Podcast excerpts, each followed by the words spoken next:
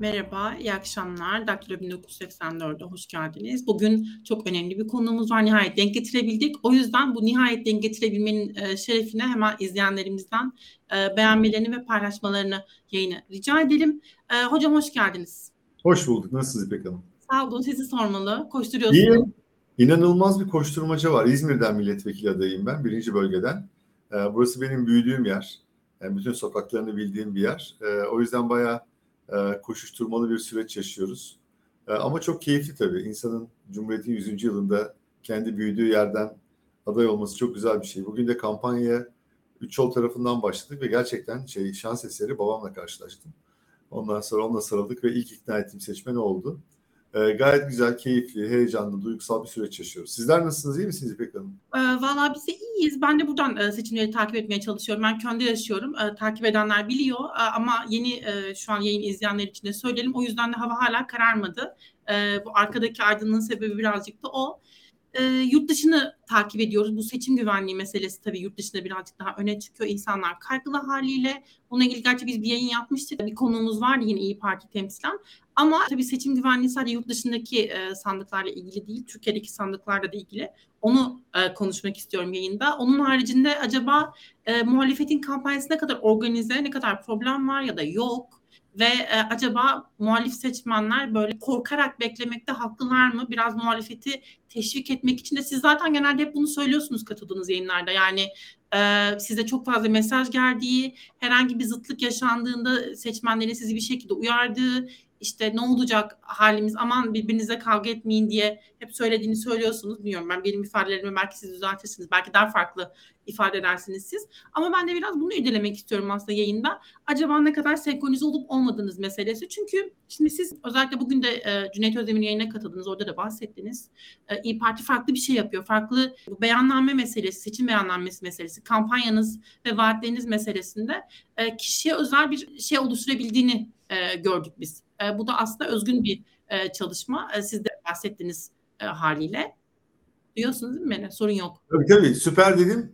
Ee, çok orijinal bir fikirdi bence.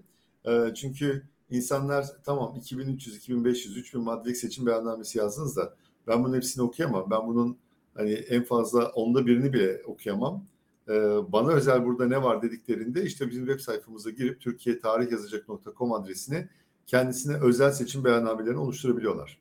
Ee, ama benim de sorum tam orada işte. O da şu. E, şimdi siz altı parti bir araya geldiniz. Uzun zaman e, bir yerde farklı toplantılar yaptınız ve bununla ilgili de aslında e, sonrasında bazı problemler yaşandı. Bunlar her ne kadar geride kalsa ve ben de çok ne hatırlamak istiyorum aslında ne de size hatırlatmak istiyorum ya da izleyicileri ama buradaki sorun da bana... Hatırlatabilirsiniz. Müzakere süreçleri bazen sert olabiliyor ama günün sonunda bakın eğer biz o sert müzakere sürecinden geçmeseydik e, bugün çok daha güçlendirilmiş bir formüle karşınıza çıkmazdık. Yani bugün e, şunu sorayım size İpek Hanım. E, bugün sizce Millet İttifakı'nda bu mitinglerde yapılan mitinglerde en fazla çalışanlardan iki tanesi bizim daha sonra aramıza kattığımız belediye başkanları değil mi sizce? Katılıyorum. Peki biz bu biz bu formüle gelmeseydik katılırlar mıydı? Formatta tam düşünmemiştim aslında ama bence böyle daha iyi oldu. Direkt karşılıklı gidelim o zaman. Tabii. Benim de sorum şu. Şimdi seçim kampanyamızda sizin vaat ettikleriniz var. Ee, mesela Cumhuriyet Halk Partisi benim e, bu işte süreci takip eden başka bir arkadaşım var. Yani partilerin hangi vaatlerde bulunduğuna ilişkin. O, o dedi ki bana Cumhuriyet Halk Partisi'nin böyle bir beyannamesi yokmuş mesela. Demokrat Parti yokmuş. Sizin var. Ee, yani mesela Deva'nın var. Deva'nın hatta her politika için açıkladığı ayrı eylem paketleri var. Bir de ortak politikalar mutabakat metni var. Galiba doğru kişiyle konuşuyorsunuz bu konuda. Çünkü ben hem ortak politikalar mutabakat metninde İyi Parti'yi temsil ettim. Yani o hükümet programı niteliğinde programı yazan altı kişiden bir tanesiyim. Dolayısıyla hani onun her satırını biliyorum. Ee, aynı zamanda bu partimizin seçim beyannamesi konusunda da e, ana rollerden bir tanesindeydim. Şimdi insanların kafasında so- e, şöyle bir soru işareti oluyor. Tahmin ediyorum siz de oradan e, yaklaşmaya çalışıyorsunuz.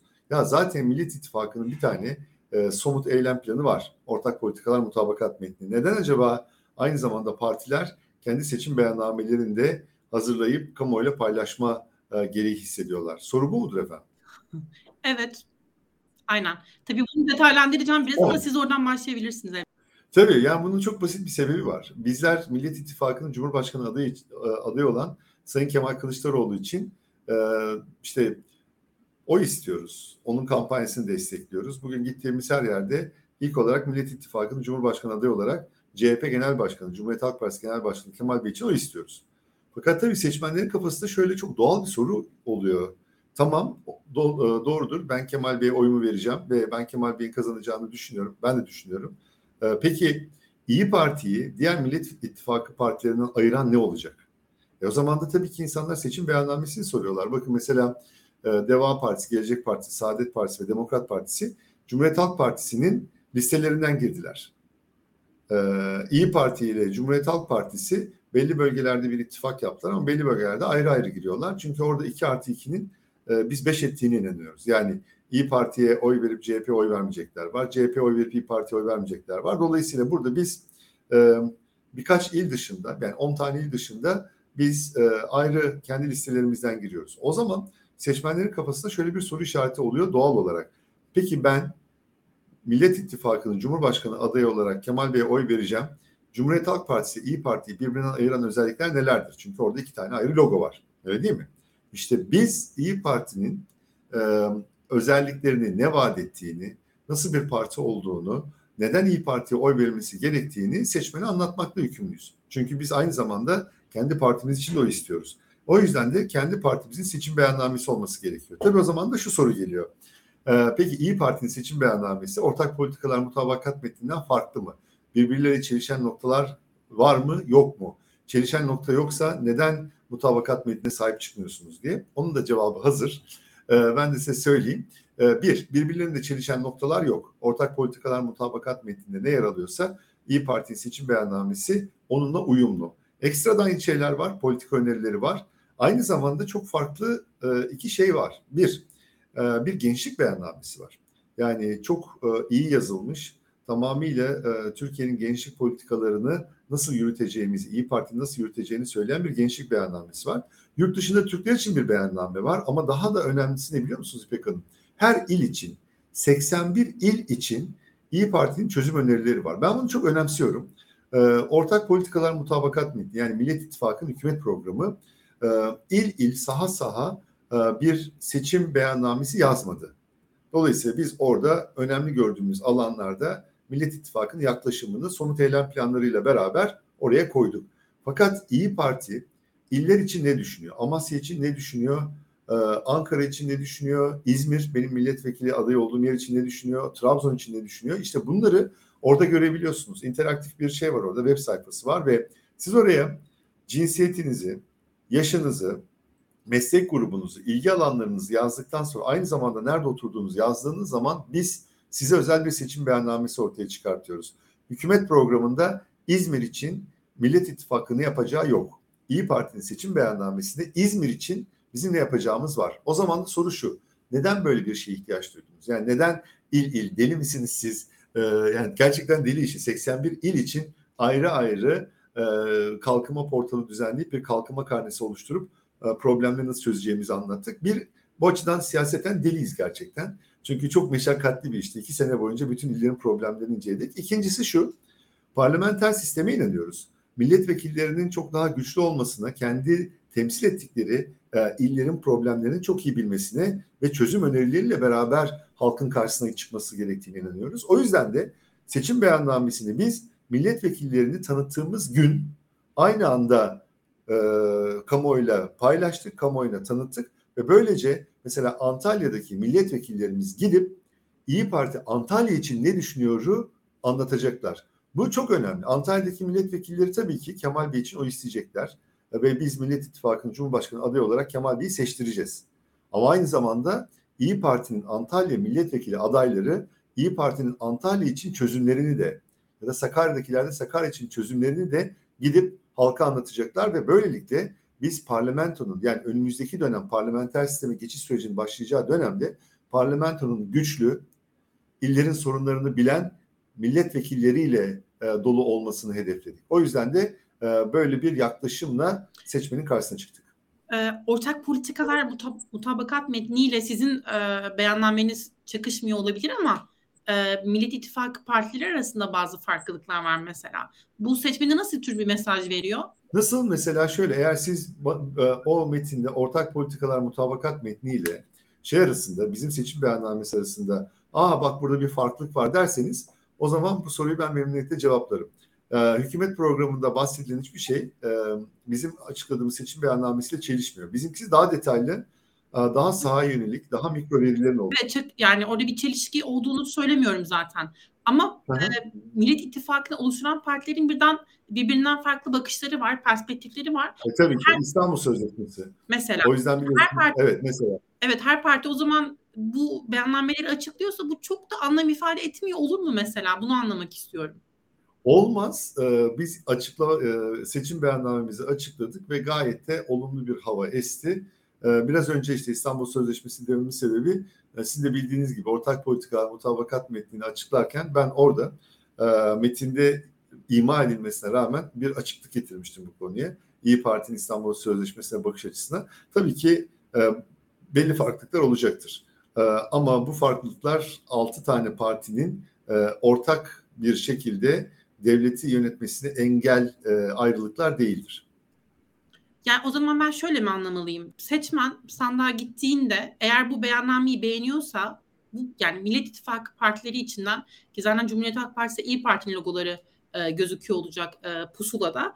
Bu durumda bu iki partiden birini e, aslında e, bir noktada tercih edip belki birine daha fazla güç vermeyi e, kendi işlerine kararlaştırıp bu denklemin içinden çıkabilirler eğer doğru anlıyorsam. Yani ne kadar güçlü olursa İyi Parti mecliste bu beyannam, beyannamenin detaylarını hayata geçirmek ya da onlara öncelik vermeye kalkmak o kadar mümkün olacak eğer doğru anlıyorsam. Doğru. Aynen. E tabii ki. Ben İyi Parti Genel Başkan Yardımcısı olarak e, birkaç sorumluluğa sahibim. Bir, Millet İttifakı yani bizim çatı ittifakımızın adayı olan Kemal Bey'i seçilmesi için elimden geleni yapıyorum sahada. Bir Cumhuriyet Halk Partili gibi çalışıyorum. Orada herhangi bir e, problem, herhangi bir endişe yok. E, şu anda sahada en fazla çalışan parti İyi Parti. Çok net görüyorum. Yani ve Kemal Bey'e bütün e, gönlümüzce destek verip onun için o istiyoruz. İkinci nokta şu. İyi Parti, ikinci da şu. İyi Parti'nin oy oranlarını arttırmam gerekiyor ve bunu Millet İttifakı'na zarar vermeden arttırmam gerekiyor. İnsanlara İyi Parti tanıtmam gerekiyor benim. E peki insanlar İyi Parti'yi nasıl tanıyacaklar? Millet İttifakı'nın kurucu unsurlarından bir tanesi. Peki İyi Parti ne öneriyor? İşte biz bunu öneriyoruz. Mesela sahada e, il il e, her il için çözümlerimizi öneriyoruz.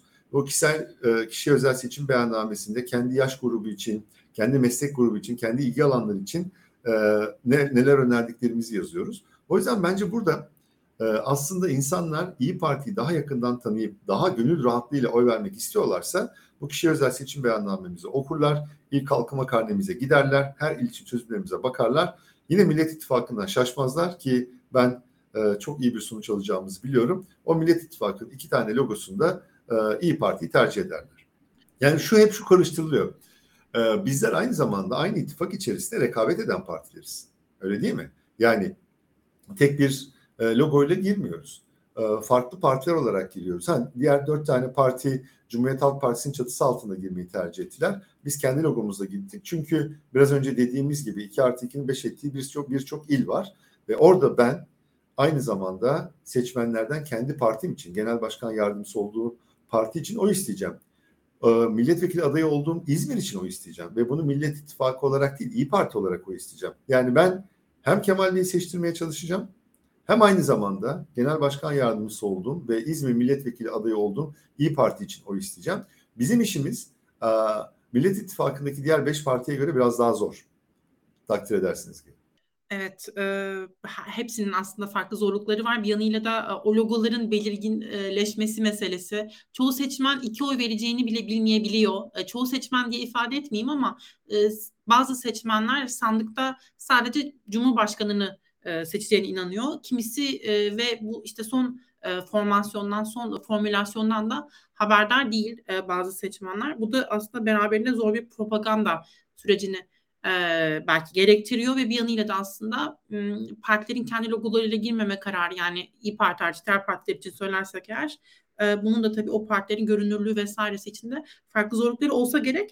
E, ama mesela şöyle bir şey sorayım yani e, İyi Parti aslında e, tırnak içinde yani bunun şeyi bana düşmez pek ama e, ilerici e, olarak nitelendirebilecek bir şey yaptı ve seçim beyannamesinde cinsel yönelime cinsel yönelim kaynaklı şiddetle mücadele edeceğini söylüyor ve hukuki e, bunun yaptırımlarının olacağından bahsediyor. Oysa ki e, yani bu, bu hani İyi Parti böyle bir şey açıklarken Saadet Partisi e, yine ittifak ortağı sapkınlar olarak görüyor ve bunu tartışmayı bile kabul edilemez buluyor. Bunun yarattığı ciddi bir çelişki var ortada ama buradan şunu mu çıkarmalıyız? Yani bu meseleler belki e, gündeme gelemeyecek ama İyi Parti'nin böyle bir bakış açısı var ama istiyor. Yani böyle bir hayali var. Böyle mi yorumlamak lazım? Böyle yorumlarsak belki daha sakin kalırız. Ama diğer türlü bu parti bu sakin kalmakta ben e, sakin kalmanın çok faydasını gördüm şu ana kadar İpek Hanım. E, bundan sonra da bence siyasete sakin ve yalın bir dil getirmemiz gerekiyor. Şundan dolayı e, İyi Parti ilerici bir parti ve e, birçok alanda bizim seçim beyannamemizin sloganını e, şiar edilmiş bir partiyiz. O da şuydu. Herkes eşit, herkes farklı. Yani e, Türkiye Cumhuriyeti kimlik kartını taşıyan herkes bu topraklarda eşit. Fakat bu insanlar aynı zamanda birbirlerinden çok farklı. 85 milyon farklı birey var. Bizim çıkış noktamız da buydu İpek Hanım. Yani bu seçim beyannamesini hazırlarken 85 milyonun 85 milyonunda özel bir seçim beyannamesi hazırlamaya gayret ettik. Herkesin kendi ihtiyaçlarına göre, dünyayı e, algılamasına göre e, farklı farklı beklentileri oluyor seçim beyannamelerinden. Ve biz de bunları yansıtmaya çalıştık. Sizin dediğiniz gibi alanlarda e, burada artık 21. yüzyılda yaşıyoruz. 21. yüzyılda e, bireylerin temel hak ve özgürlüklerine, yaşam tercihlerine, cinsel tercihlerine hepimizin saygı göstermesi gerekiyor. E, İyi Parti'nin bakış açısı bu. Ha, bu devleti yönetirken herhangi bir problem çıkartmaz. Fakat ben e, bu konularda yani yaşam tercihlerine saygı, e, cinsel tercihlere saygı konusunda seçmenin e, partilerin bakış açısını öğrenmesi gerektiğine inanıyorum. O yüzden de biz e, orada sizin de söylediğiniz gibi bunun için de teşekkür ederim. Gayet ilerici ve e, bireylerin temel hak ve özgürlüklerine saygı gösteren bir yaklaşım benimsedik. Bir izleyici yorumu var. İzmir'in hemen hemen her yerinde İyi Parti standartları vardı yılbaşına kadar ama şimdi neredeyse hiç görmüyorum. Mahalle bazında çalışmalar iptal edildi mi İyi Parti'de? Yok, yok edilmedi. İyi Parti'de şu anda gayet hummalı bir çalışma var. Ama ben bu soruyu çok değerli buluyorum. Çünkü sizin izleyenlerin gözlemleri biz bazen sahada gözden kaçırabiliyoruz. Bu gözlemler bizim için çok kıymetli. Hemen bu program sonrasında bakayım. Bu mahalle standart, standlarında bir artış var mı, azalma var mı? Sayın izleyicimizin dediği gibi böyle bir durum var mı? Hemen bir bakalım ona. Ben not ettim. bu az önce birazcık bahsetmiştim. Yani pusulada e, tercihte bulunma meselesi. E, şimdi, evet. E, fark, yani partilerin farklı farklı afişleri var haliyle billboardlara e, asılıyor. E, sosyal medyada bir kampanya yürüyor bir yönüyle. İşte bun, bunlar da ortaklaşma meselesi. Tamam evet e, partilerin farklı e, programları ve perspektifleri var şüphesiz bunu anlıyorum. Ama mesela e, İyi Parti'nin hani, yürüttüğü kampanyada Kılıçdaroğlu'na mühür basılacağı bu, bu yeterince sizce aktarılabiliyor mu? Orada bazı böyle sorguladığınız şeyler var mı? Bir de şunu sorayım. Yok. Mesela sorunun, sorunun cevabı yok. Yani hiç sorguladığım bir şey yok. Ee, biz 6 Mart'ta Kemal Bey'i Millet İttifakı'nın Cumhurbaşkanı adayı olarak gösterdikten sonra var gücümüzde ve e, ittifaka yeni katılan iki belediye başkanı ile beraber var gücümüzle çalışıyoruz. Kemal Bey için o istiyoruz. Ee, ben İzmir'deyim. Ee, Ankara'da çok fazla bulundum. İyi Parti özelinde söylemiyorum. Yani diğer partilerde de mesela hani logonun Kılıçdaroğlu'na ve İyi Parti'ye ya da ne bileyim Kılıçdaroğlu'na ve Cumhuriyet Halk Partisi'ne vurulacağı meselesi. Hani bu evet. biraz dağınık. Hani benim kendi gözlemim olarak soruyorum. Siz ona ne dersiniz aslında? Şöyle dağınık olmasını çok e, normal buluyorum. E, yine söylemek gerekiyor. Sayın Kılıçdaroğlu Cumhuriyet Halk Partisi'nin genel başkanı. Aynı zamanda Millet İttifakı'nda Cumhurbaşkanı adayı. Ben İyi Parti adına oy isterken aynı zamanda bir başka partinin genel başkanını Cumhurbaşkanı adayı olarak destekliyorum. Dolayısıyla seçmenler orada görmek istiyorlar ki tek bir tane logo olsun. İşte e, tek bir e, logonun altında biz hem Cumhurbaşkanını seçelim hem de partiyi seçelim. Bize bizi fazla zorlamayın diyorlar. Fakat bu da aslında bizim e, çok da istediğimiz bir durum değil. E, demokrasi çok sesliliktir. Demokrasi e, birbirlerinin e, farklı insanların, farklı görüşlerin bir arada e, devleti yönetebilme, ülkeyi yönetebilme kabiliyetidir. O bakımdan ben burada e, farklı partilerin logolarının e, yine meydanlarda olmasını istiyorum. İnsanlar biraz burada hani basitlik istiyorlar. Diyorlar ki tek bir logo olsun, tek bir aday olsun, bizi fazla uğraştırmayın. Ben bunu mesela demokrasi açısından çok sağlıklı bulmuyorum. Çünkü eğer böyle olsaydı yani o zaman farklı partiler kurmamıza gerek yoktu. Altılı masaya gerek yoktu. Altı tane çok farklı partinin e, bir araya gelmesine gerek yoktu.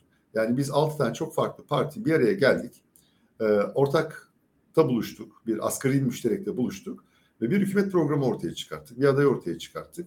Ama daha e, şunu unutmamamız gerekiyor ki biz altı tane farklı siyasi görüşü temsil eden altı farklı partiyiz. O bakımdan ittifak içerisinde Kemal Bey'e oy istiyoruz, Kemal Bey'e destek istiyoruz, Kemal Bey'i destekliyoruz ama aynı zamanda kendi partimizin de oyununu arttırmak zorundayız.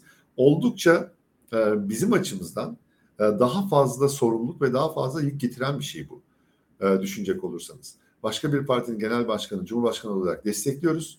Hiçbir soru işareti olmadan. E, gerçekten çok e, isteyerek destekliyoruz. Şu anda belki de sahada en fazla miting yapan parti e, İyi Parti'dir. Siz de yakından takip ediyorsunuz biliyorum. Belediye başkanlarıyla beraber devamlı mitinglerdeyiz. Ve aynı zamanda kendi partimizin oy oranını arttırmak için özellikle milletvekili adayları olarak var gücümüze çalışıyoruz. Ee, bir izleyici yorumu vardı. Ee, ne duyulmak isteniyor diye. Ya aslında duymak istediğim seçmeni e, kaygılandıran acaba işte bu aday belirlendi ama e, arkası gelecek mi? E, bir arada olabilecekler mi? Bir arada devam edebilecekler mi meselesi? Ben onu açmak için aslında e, Ümit Hoca'yı birazcık kendi adıma zorlamaya kalkıyorum. Yoksa orada... Beni zorlayın. O kadar özlemişim ki. Neden biliyor musunuz? E, çünkü şöyle e, en fazla özlediğim şeylerden bir tanesi benim siyasette e, bu amfide ben hani yüzlerce kişiye ders anlatırım ve bu yüzlerce öğrenci gayet eleştirel bir şekilde ama bu böyle olmuyor mu böyle olmuyor mu diye akıllarına gelen çok doğru soruları sorarlardı. Şimdi bir bakıma sizle konuşurken de e, o döneme döndüm ve gayet de şey e, keyif alıyorum. Hiç e, bence geri adım atmayın. İstediğiniz kadar zorlayabilirsiniz. Yok estağfurullah zorladığımı da çok düşünmüyorum. Siz de hazırlanmışsınız zaten. O yüzden e, çok fırsat vermiyorsunuz bana. E, ben de kendi adıma mutluyum böyle olmasından bu arada. Yani e, sizinle bu şekilde tamam. sohbet ediyor olmaktan. Tabii sıkıştırabiliyor olmayı daha çok isterdim. Daha fazla sıkıştırabiliyor olmayı. Ama bu da sizin ben size ipuçları verebilirim hangi konularda sıkıştırabileceğizler ama yayından sonra. tamam. Çok geç olmuş olacak. Bir, bir dahaki e, sefere o zaman.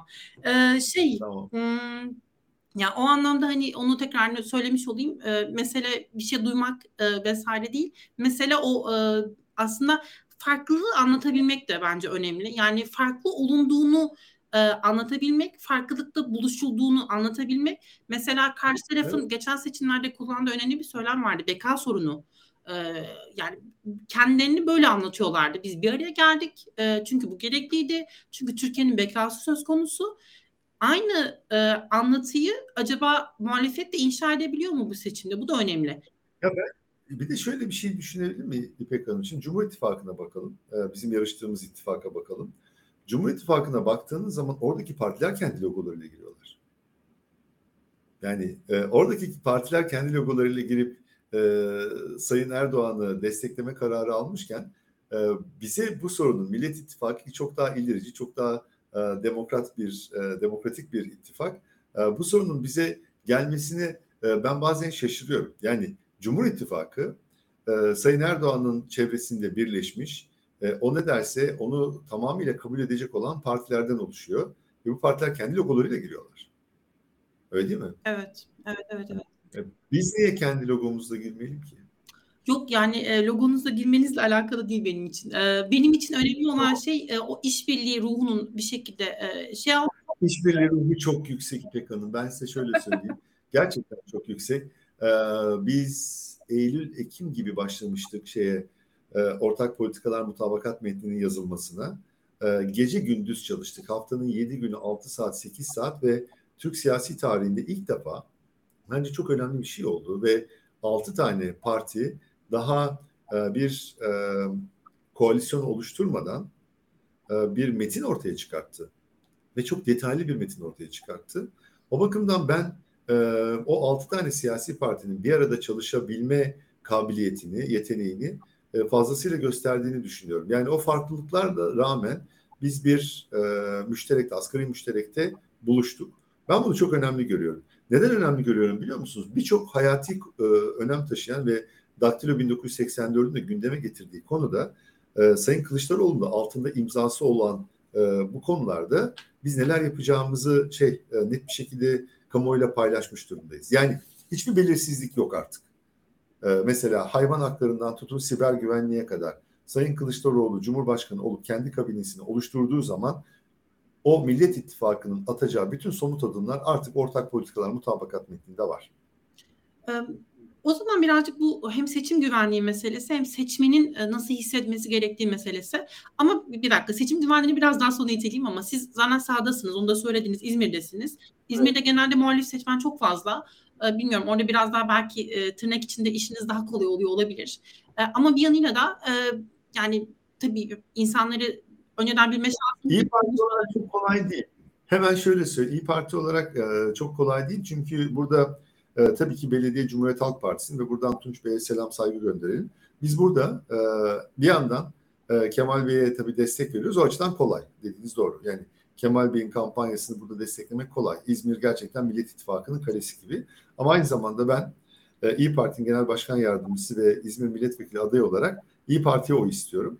O açıdan kolay değil. Ee, en az AK Parti kadar güçlü bir rakibim var İzmir'de de. Ve bu rakiple biz dostane bir rekabet halinde olmamız gerekiyor. Bu da çok kolay değil. Dolayısıyla İzmir İyi Parti'nin e, çok rahat rekabet ettiği bir alan değil. E, çünkü günün sonunda Millet İttifakı'nın güçlü olduğu bir yer olmasına rağmen e, ana muhalefet partisinde çok güçlü olduğu bir il. Ve ben aramızdaki bu dostane rekabete zarar vermeden oyları İyi Parti'ye çekmeye çalışıyorum. Bu çok kolay değil şey söyleyeceğim yani anketlere bak bakıldığında hani çok başa baş bir e, sürecin hani ilerlediğini görüyoruz aslında. Çoğu ankette Kılıçdaroğlu önde çıktı. E, ama anketlere de yüzde yüz güvenebilmek mümkün değil. Bir de hala zaman da var aslında. Ben biraz daha bu şeyi de anlamak istiyorum. Hani sokağın nabzı deniyor ya. Sizin bu gözlemleriniz, e, karşılaştığınız durumlar ama hani halihazırda muhalif olan seçmen değil de yani ya da daha, daha şöyle ifade edeyim. Eskiden biri muhalif olan değil de yeni yeni e, muhalefete kulak vermeye başlayan ve vaatleri dinleyen insanlar için. E, böyle bir gerçekten şey var mı? Yani insanlar yöneliyor mu? Seçim seçimlerde oy verme davranışlarını değiştirecek gibi bir o hissi alıyor musunuz? O his geçiyor mu siz? Alıyorum. Alıyorum. Kesinlikle alıyorum. Açıklıyorlar. Neden, mesela nasıl ifade ediyorlar? Yani AK Parti oy veriyordum hep e, ama şu an çok daha farklı düşünüyorum. Size inanıyorum. Bu mudur? Aynen öyle. Aynen bu dediğiniz cümleleri ben birçok insandan duyuyorum. Eskiden AK Parti'ye oy verdim. AK Parti'nin artık e, iktidardaki süresinin dolduğuna inanıyorum. E, sizin politikalarınızı dinlemek istiyorum diyor. Biz politikalarımızı anlatıyoruz ve ondan sonra seçmeni ikna ediyoruz. Peki şu geliyor mu? Neden Kılıçdaroğlu aday oldu? Aa, 6 Mart'tan sonra hiç gelmedi. Bu, bunun da bütünleşik olarak soracağım aslında. Yani seçmen hani şunun ayrımın, e, şunun e, ayırdığında mı? Yani e, Kılıçdaroğlu evet aday e, ama e, ülkeyi yönetme e, meselesi altı partinin bir arada e, yapacağı bir şey ve bu kabine e, işte farklı partilerin e, teşkil etmesinden oluşacak ve e, Mansur Yavaş Kemal e, Mansur Yavaş ve Ekrem İmamoğlu da Kemal Kılıçdaroğlu'nun yardımcıları olarak görev yapacak ve bu da e, bu formülasyonu güçlendiriyor gibi böyle detaylandırıyorlar mı yoksa Kılıçdaroğlu aday oldu ben o zaman Cumhurbaşkanlığı seçiminde oy kullanmayacağım e, ama İyi Parti'ye basarım belki oy veririm gibi bir yerden mi? Yok ikincisi olmuyor. Mesela e, neredeyse her 10 seçmenden 8 hatta 9'u şunu söylüyor. Bu formülle e, çok daha içimiz rahat bir şekilde Sayın Kılıçdaroğlu'na oy vereceğiz diyor. Yani bu bizim güçlendirilmiş formül dediğimiz bu formülle. Bakın şimdi e, 6 Mart'tan sonra yani e, Millet İttifakı'nın belediye başkanlarının e, sahaya inip açıkça destek vermesi ve Cumhurbaşkanı yardımcısı olarak çalışacaklarının ilan edilmesinden sonra ee, hem Mansur Bey hem de Ekrem Bey'e bakarsanız, performanslarına bakarsanız ne demek istediğimi e, ya da vatandaşın ne hissettiğini çok daha iyi e, anlarsınız. Ee, Ekrem Bey'i hatırlarsınız 14 Aralık'taki Saraçhane mitinginde şunu söylemişti. Ben Millet İttifakı'nın altılı masanın en çalışkan neferi olacağım diye. inanılmaz çalışıyor. Aynı şey Mansur Bey için de geçerli. Ee, ve bu iki tane belediye başkanının halktaki karşılığı icraatçı, toplumun sorunlarını bilen, halka dokunabilen insanlar olması. Yani Sayın Erdoğan'ın e, Cumhurbaşkanı ve Başbakan olmadan önceki itibarı, insanlardaki pozitif algısı belediye başkanlığından geliyordu. Belediye başkanlığı icraatçı bir makam ve hem Sayın Yavaş hem Sayın İmamoğlu bu icraat kabiliyetlerini fazlasıyla gösterdiler. Şimdi Millet İttifakı olarak çalışıyorlar ve resmi bir görevleri olacak. O yüzden insanlar bu güç, güçlendirilmiş formülden çok mutlular. Yani Kemal Bey'in tek başına işte 2 Mart'taki gibi aday gösterilmesindense 6 Mart'ta Kemal Bey'in aday olup yanına iki tane Cumhurbaşkanı, iki tane belediye başkanı, Cumhurbaşkanı yardımcısı olarak eklenmesi halkın gözünde daha pozitif bir hava yaratıyor. Bunu her yerde görebiliyoruz. Yani bugün işte Karabağlar'daydık. Karabağlar benim büyüdüğüm yere çok yakın bir yer. Orada neredeyse herkes aynı şeyi söyledi.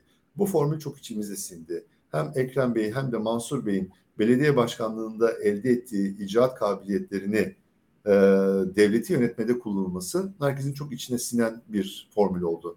O bakımdan da burada hiç mütevazilik yapmayacağım. E, İyi Parti herkes bir teşekkür borçlu. E, evet sert müzakereler oldu. Orada işte e, biliyorum işte yani hop oturup hop kalktınız ama e, günün sonunda güçlendirilmiş ve herkesin çok daha hoşuna giden bir formülle karşınıza çıktık biz sizin. Peki e, Mansur Yavaş ve Ekrem İmamoğlu için teşekkür etmesini beklediğiniz seçmen acaba şey ne diyor? Birden fazla, çok fazla Cumhurbaşkanı yardımcısının olması meselesi. Bununla ilgili korkular iletiliyor mu size? Yok konuyla ilgili hiçbir korku iletilmiyor bize açıkçası. Yani hani e, düşünüyorum bize iletilen e, endişeler, çekinceler nedir diye. E, bu yok. Peki ne var diye soracaksınız değil mi? Sormayın.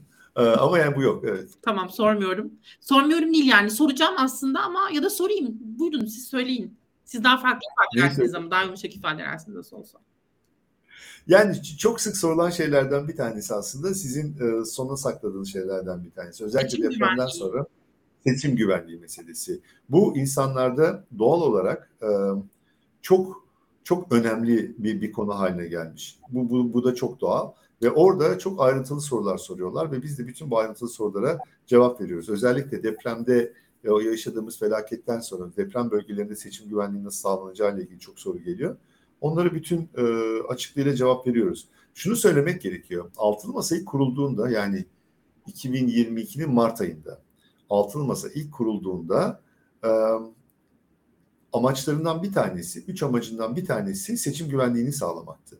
Ve e, bir yıla aşkın bir süredir seçim güvenliğini sağlamak için altı tane siyasi parti çok önemli çalışmalar yapıyorlar. O bakımdan buradan e, bütün bizi izleyenlere e, izleyenler müşteri olsun, çok rahat olsunlar. E, şey Altılı Masa'nın en çalışkan ve en detaylı çalışan komisyonlarından bir tanesi seçim komisyonu, seçim güvenliği komisyonu. E, hocam o zaman şöyle bir şey sorayım. Seçim gecesi elektrikler kesilirse, seçim gecesi işte ne bileyim e, o oyların e, derlinin toparlanması ve ilan edilmesi çok mümkün olamazsa ya aksilik çıkarsa başka bir ifadeyle. Çünkü geçmiş seçimlerde muhalefetin bu konuda e, ciddi eleştiri biliyoruz. Hatta iyi bir şey söyleyeyim. Yani Muharrem İnce'nin şu an kendi adaylığını inşa ederken de aslında bahsettiği en önemli meselelerden bir tanesi e, o dönemde işte Cumhuriyet Halk Partisi'nin e, aslında ona sahip çıkmadığı seçim güvenliği me, e, meselesi anlamında e, sandıkların her sandığa işte sandık görelisinin ilk gönderilmediği meselesi. Şimdi biz o zaman şöyle bir soru sorayım e, bağlayıcı olsun. Seçim gecesi tamam. böyle bir aksilik olursa biz kimi parmakla işaret edip suçlayabiliriz? Ha kimse olmayacak böyle bir şey. Bakın e, ben e, Millet İttifakı'nın e, son İstanbul seçimlerinde Millet İttifakı'nın Fatih'te bir cemaatin çok güçlü olduğu bir mahallede bina sorumlusuydum. Ve e, oradayken de e, yapılan şey çok önemliydi. Bir, e, sabah erkenden oraya gidiyoruz enerjik bir şekilde. İki, ıslak imzalı tutanakları orada mutlaka sandık başında, her sandığın başında en az iki ya da üç tane görevli oluyor. Bu da sağlanmış durumda. Bizim bütün sandıklarda Millet İttifakı'nın en az iki tane üyesi orada olacak. Üç, e, oylar sayılırken mutlaka orada zaten... Tüm sandıklarda. Türkiye genelindeki bütün sandıklarda. Ben buradan bunu çok rahatlıkla yani güvencesini verebilirim. E, o e, oylar sayılırken ıslak imzalı tutanaklar yani ıslak imzalı tutanakların fotoğrafı çekilecek, sisteme yüklenecek. Aynen İstanbul seçimlerinde yaptığımız gibi ve tek bir oy bile kaçmayacak. Yani mesela dediğim gibi yani bunu niye söyledim? Ben e, şeyde İstanbul seçimlerinde Fatih'te AK Parti'nin kalesi sayılabilecek bir yerde bina sorumlusuydum. E, hiç böyle gayet sakin bir şekilde, enerjik bir şekilde olaya hakim, sandıklara hakim ve ıslak imzalı tutanakları fotoğrafını çekip sisteme yüklediğimiz bir e, şeyde e, seçim gününde ben e, herhangi bir şekilde sandığın bizden çalınabileceğini, seçim bizden çalınabileceğini düşünmüyorum.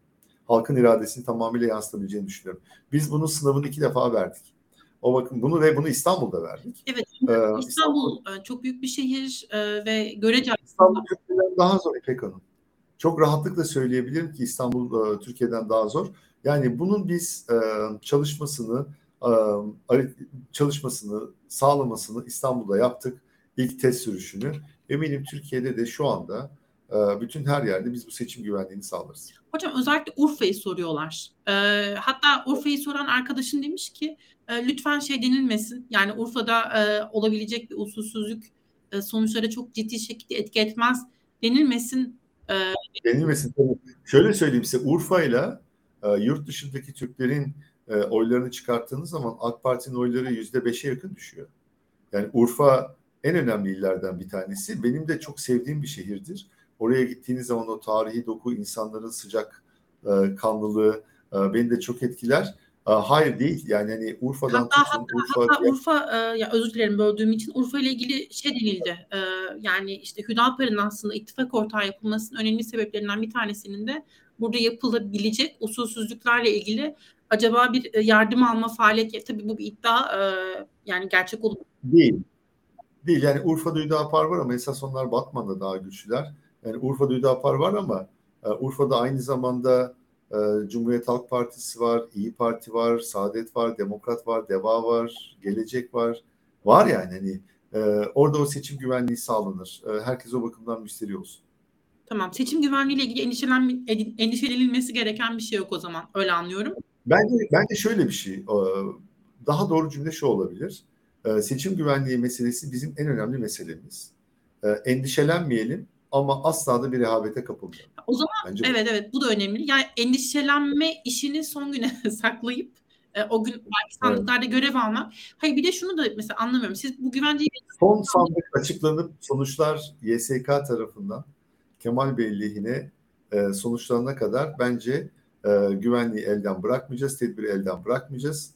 E, endişelenmeyelim ama e, bütün süreci çok dikkatli bir şekilde takip Ben o zaman Gürhan Bey'in e, yorumunu söyleyeyim. Son Cumhurbaşkanlığı seçiminde bazı illerde seçmen sayısından daha fazla oy çıkmışken muhalefetin bu özgüveni beni korkutuyor demiş e, Gürhan Bey. Şöyle söyleyeyim, Gürhan Bey çok haklı. Bir özgüvene sahip değiliz. E, yani onu söylemek gerekiyor. O yüzden de çok tedbirli olmamız gerektiğini söylüyorum. Ben bütün seçim için aynı şeyi söylüyorum. Ben bütün seçim içinde... Bir de bu e, diye bir e, şey de oluşturuldu ya. E, belediye başkanlarının inisiyatifindeydi sanırım o. E, Sayın İmamoğlu ve Sayın Yavaş'ın onu tam hatırlayamıyorum. E, bir yanıyla Deva Partisi'nin de mesela bir e, ayrı şey var saydık biz diye. Orada da sorayım hani hazır konusu açılmışken neden mesela Deva'nın ayrı var da e, siz bir de şimdi hani bir arada yaptığınızı da söylüyorsunuz. Riski at. Deva'nın nesi ayrı var onu anlayamadım. Saydık biz diye bir platform oluşturmuşlar seçim güvenliği ile ilgili. Bu e, bizim de herkesin var. Neden? Var tabii var. Neden? Yani şöyle hayır, söyleyeyim size bütün bütün bütün partilerin ve aynı zamanda Millet İttifakı'nın seçim güvenliği ile ilgili ayrı ayrı ve ortak çalışmaları var. Yani e, şöyle bir izlenime kapılmanızı Hayır, ama e, ve neden olduğunu izlenime kapılmasını anlayabiliyorum. Hı hı. Anlayabiliyorum ama şöyle bir şey düşünün. Yani mesela bizi düşünün, beni düşünün. E, iki buçuk senedir gece gündüz bugün için çalışıyorum. 14 Mayıs için çalışıyorum. Partimin tek bir tane oyunun bile kaybolmaması için çalışıyorum. Dolayısıyla hani bu seçim güvenliği benim için belki bizi izleyenlerden çok daha kritik. Benim hayatımı değiştirecek bir şey bu. Evet, e, Türk siyasi tarihinin en önemli seçimine giriyoruz. Seçmenler yüzde yüz haklı. Burada izleyenler ve işte bu ya bu özgüven beni korkutur diyen e, izleyiciyi de ben çok rahatlıkla anlayabiliyorum. Önceki seçimlerde bu tür ihmallerin yani ismiyle bildiğimiz insanlar hala görevlerini yapmaya devam ettiler. Onların bu seçimlerdeki rolünün yani neyse ben bir şey söylüyor olmayayım ama hani şunu gerçekten şunu emin olmak e, önemli bence. Herkes gerçekten üzerine düşen görevi yapıyor mu? Yapılmıyorsa da aslında şunu da Yani seçmenler o kadar sahip çıkıyor ki bu sürece. Siz kendiniz söylüyorsunuz. Evet. Katıldığınız yayınlarda sizi eleştiriyorlar. Siz muhalefette başka aktörleri eleştirdiğiniz zaman bu kadar benimsiyorlar. O yüzden bu kadar milyon insan e, size seçim güvenliği ile ilgili eksikseniz hani şu an e, partilerden herhangi birinin itiraf etmesi sonucu o güvenliği kendileri yaratmaya da razılar. O yüzden aslında biraz da bunu netleştirmeye evet. çalışıyorum. İlk önce şunu söyleyeyim ben. Ee, birincisi bütün siyasi partilerin farklı farklı e, seçim güvenliği önlemleri alması çok önemli. Böylelikle aslında çapraz kontrol, ha bak çapraz kontrol yazdım değil mi? Çapraz kontrol imkanı sağlıyor. Birincisi bu. Yani bu e, ıslak imzalı tutanakları biz kendi sistemimize yüklediğimiz zaman, Cumhuriyet Halk Partisi, Gelecek, Saadet, Demokrat bunlar yükledikleri zaman o zaman orada bir çapraz kontrol olacaktır. Bence bu o yüzden önemli. Aynı zamanda Millet İttifakı'nın bir bütün olarak seçim güvenliği komisyonu var, seçim güvenliği çalışması var. Bunun dışında biz oy ve ötesi gibi e, bütün bu yani çok önemli bulduğum e, sivil toplum e, kuruluşlarına yardım ediyoruz. Onların daha iyi organize, organize olabilmesi için onlara salonlar sağlıyoruz. O yüzden e, ben e, dediğim gibi bu seçim güvenliği ile ilgili insanların tedirgin olması ve son ana kadar bununla ilgili kafalarında soru işaretleri bulunmaları bulunması pozitif bir şey. Neden? Çünkü işin önemini kavradığımızı gösteriyor. İşin önemini bu defa kavradığımızı Hocam, gösteriyor. az zaman Son... var. Ee, sizi sizin az zamanınız olduğu için araya giriyorum. Tamam bu konuda ikna tamam. ikna oldum. Ee, yurt Oldunuz ben, mu? Ben oldum. Umarım izleyiciler de olmuştur. Çünkü yani ben kendim ikna olduğumda bile bir arkadaşımın bir başka mesajıyla e, sarsılıyorum. Acaba orada gözden kaçırdığımız bir şey oldu mu diye. Böyle bir senkronizasyon meselesi. Bilmiyorum bu heyecan bir yanıyla iyi bir yanıyla kötü. Eğer endişe etmeyeceksek güzel, endişe edeceksek kötü. E, yurt dışı seçim güvenliği ile ilgili biz bir yayın yapmıştık. Onu hani e, yorumcu yorum e, yapan e, değerli izleyicilere tavsiye edeyim. E, adı da şey olması lazım. Cumhurbaşkanı'nın Almanya mı e, seçecek diye bir yayın yaptık ve orada biz e, işte bu üç kilitli bir sistemin olduğu çünkü yurt dışında e, birden fazla gün oy kullanılıyor. Onunla ilgili e, tatmin edici bir yayın yaptığımızı düşünüyorum ben. O yayına bakabilirsiniz. Onu tekrar girmeyeceğim. Ama e, şu anketler meselesiyle ilgili yine Gürhan Bey hatırlatmış. E, acaba bu yurt dışındaki seçmenler ve vatandaş, vatandaşlık kazanmış e, kişilerin yüzde işte yaklaşık yüzde altısı ankete yansımıyor gibi bir yorum. E, bunun acaba bu sonuçları etkisi anlamında e, birazcık daha temkinli olmakta yarar var mı? Ne dersiniz? Siz de aynı korku taşıyor musunuz? Tem, temkinli olmakta her zaman yarar var. Ben temkinli olmanın hiçbir zararı Öyle sormuyorum o zaman. evet, Gür, Gürhan, Gür, Gürhan Bey'in dediği şey çok önemli bence de. Yani bu e, anket şirket, şirketlerinin bir birbirleriyle e, açıkladıkları şeylerde oylarda farklılıklar var. Ve evet doğru. E, yurt dışındaki oylar birçok anket şirketinde tam yansımıyor. O, o bakımdan ben e, şeyde e, siyasete girdikten sonra e, eski, eskiden de temkinli birisiydim. Siyasete girdikten sonra da bunun e, çok faydalarını gördüm. Temkinli olmakta ve e, seçimi kazanana kadar bütün olumsuz ihtimalleri göz önünde bulunarak bulundurarak e, stratejiyi belirlemekte çok büyük faydalar olduğunu düşünüyorum. Bu seçim kesinlikle çantada keklik bir seçim değil. Önümüzdeki 3 hafta boyunca devletin bütün imkanlarını hoyratça kullanacak olan hani 14 Mayıs'tan sonra ben kaybedersem e, mahvolurum deyip e, birçok e, ne derler imkanı yasa dışı bir şekilde kullanacak olan bir iktidar partisi var. E, ve ka- karşısında da yani bizim karşımızda da 20 yıldan beri e, başbakan olarak ve cumhurbaşkanı olarak sayısız seçim kazanmış bir Sayın Erdoğan var. E, Tayyip Erdoğan'ı yenmek kolay değil. Tayyip Erdoğan'ı sandıkta yenmek kolay değil. O bakımdan da temkinli olmamız gerekiyor.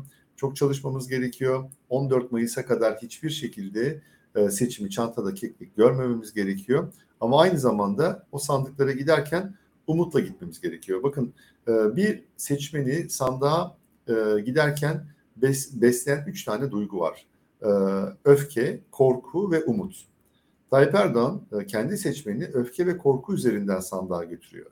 Bizim ise bir farkımız olsun ve biz seçmenimizi umut üzerinden sandığa götürelim.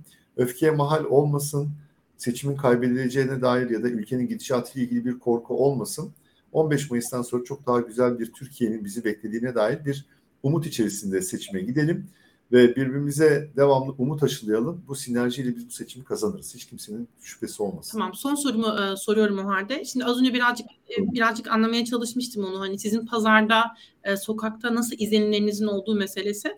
Orada da yine e, bir izleyicimiz hatırlatıyor. Yani iktidar öyle bir anlatı sattı ki AK Parti ve MHP'den müteşekkil ama onun yanında bir sürü radikal e, partinin olduğu o e, ittifak yapısı onların e, böyle kendi kanalları var. E, karasal e, yayını tamamen ele geçirmiş durumdalar. Dizi yasaklıyorlar, dizi kaldırıyorlar. Haberleri, şu su, bu su, işaretleri bir anlatı var. Ve onu takip eden izleyiciye ulaşmak çok da kolay değil. E, bunun e, muhtemelen muhalefet e, partileri de farkında zaten. Orada şeyi anlamak istiyorum. Şimdi siz mesela miting de yapıyorsunuz, e, sağ çalışması da yapıyorsunuz ama muhalefet evet. partileri aynı şekilde yürütmüyor bu süreci.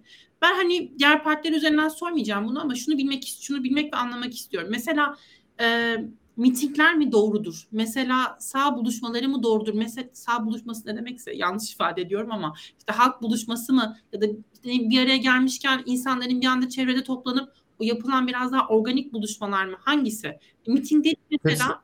Hepsi. Cevap veriyorum. Ee, bu işte A, B, C, D hepsi. Hepsi doğru. Yani mitingi yaptığınız zaman e, sahada kapı siyaseti, belki kapı siyasetini söylemek istemişsinizdir. Kapı siyasetini yapabilirsiniz. Mesela şu anda bizler e, teşkilatlar olarak çalmadık kapı bırakmıyoruz. Ama aynı zamanda e, partilerin genel başkanları siyasi mitingler yapıyor. Sağ çalışması yapıyoruz. Ben akşamları gençlerle buluşuyorum. Ondan sonra sosyal medyada videolar çekip ben İzmir için hangi çözümleri üreteceğimizi söylüyorum. Türkiye için neler yapılması gerektiğini, neler yapacağımızı söylüyorum. Dolayısıyla bu kampanyada evet e, kısıtlı zamanınız var, 24 gününüz var. Kısıtlı kaynaklarımız var, doğru. Fakat e, bütün herkese dokunabileceğiniz bir propaganda aracı var. Yani genel başkanlar ki bizim genel başkanımız her gün bir miting yapıyor ve çoğu zaman yanında e, belediye başkanlarından bir tanesi oluyor. Genel başkanlar miting yapıyorlar. Milletvekili adayları saha çalışması yapıyor. Mahalle mahalle geziyor. Bölgelerindeki STK'larla konuşuyor. Teşkilatlar kapı kapı geziyorlar. Ee, neden İyi Parti, neden ve kendi adıma konuşuyorum tabii ki. Neden İyi Parti ve neden Millet İttifakı'nın Cumhurbaşkanı adayını seçmemiz gerektiğini söylüyorlar.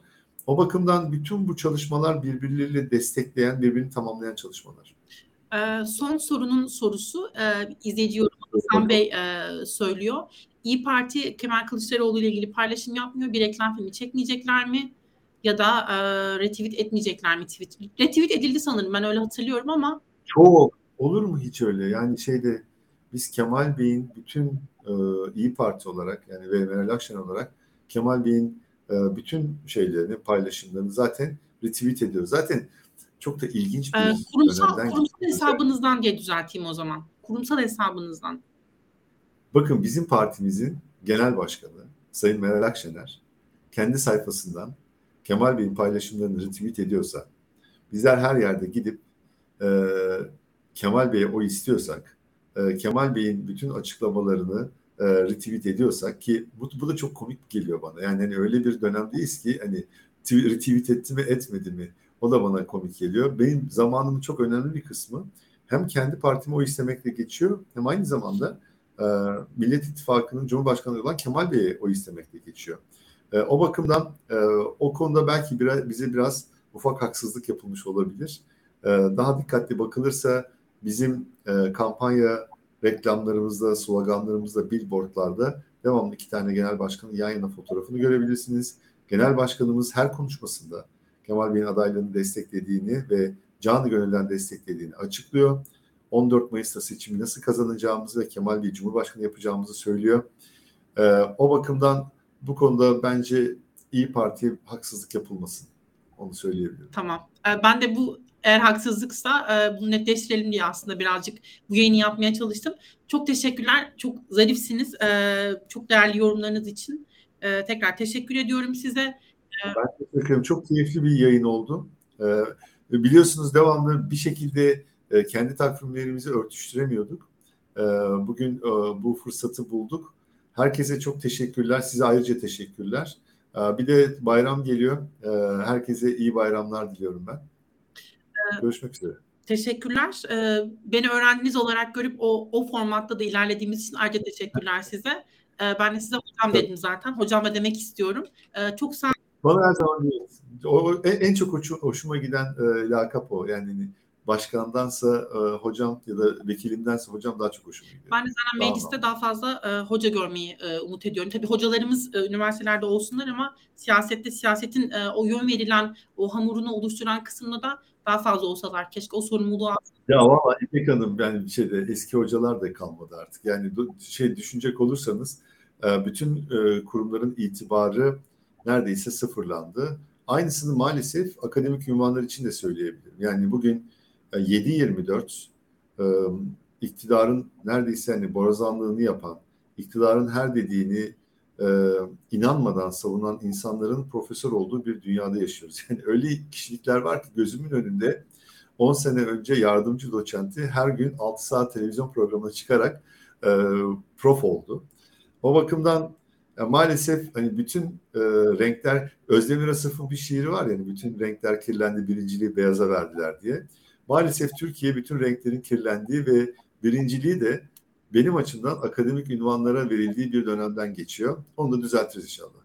Yani kesinlikle çok doğru bir nokta aslında. Çok farklı standartlar ve ölçütlerin uygulanmaya başladığını çok uzun zamandır aslında görüyoruz. Önce dil şartı kaldırıldı, sonra işte önce düşürüldü, sonra kaldırıldı, sonra işte yerli ve milli denildi. Ya o, o anlatılan bambaşka bir şey ama bilmiyorum belki. Bilimin yerlisi ve millisi olmaz. Yani bilim evrenseldir evrensel olan bilimi alırsınız ve kendi yaşadığınız ülkenin sorunlarını çözmek için kullanırsınız. E, o bakımdan yani Türkiye maalesef... Hayır hocam yerli ve e, milli ise bile bunun dil bilmekle ne alakası var ben onu anlamıyorum. Ya, bilince yerli ve milli olunmuyor mu? Şöyle, ya, ya da şöyle bir şey söyleyeyim size. Dünya üzerindeki hiçbir küresel güç, hiçbir gelişmiş ülke kendi içine kapanarak ondan sonra dış dünyaya bir öcü gibi bakarak e, şey yapmamıştır, e, gelişememiştir. O yüzden bizim yapmamız gereken şeylerden bir tanesi eğer bu ülkeyi güçlendirmek istiyorsak, bu ülkeyi kalkındırmak istiyorsak çok daha küresel düşünmemiz lazım.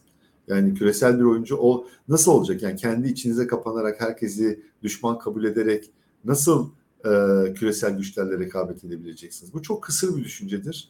İşte e, Popper'den yana e, hep bu e, açık toplum düşmanlarının ülkeye kendi içinde bulundukları topluma ne kadar zarar verdikleri konuşulur. Ee, öyle bir süreçten geçiyoruz. Ama bizim sloganımızla veda edeyim isterseniz. Az kaldı. Umarım az kalmıştır gerçekten. Çok sağ olun hocam tekrar. E, yorum yapan ben... herkese de tekrar teşekkürler. Görüşmek üzere. Görüşürüz.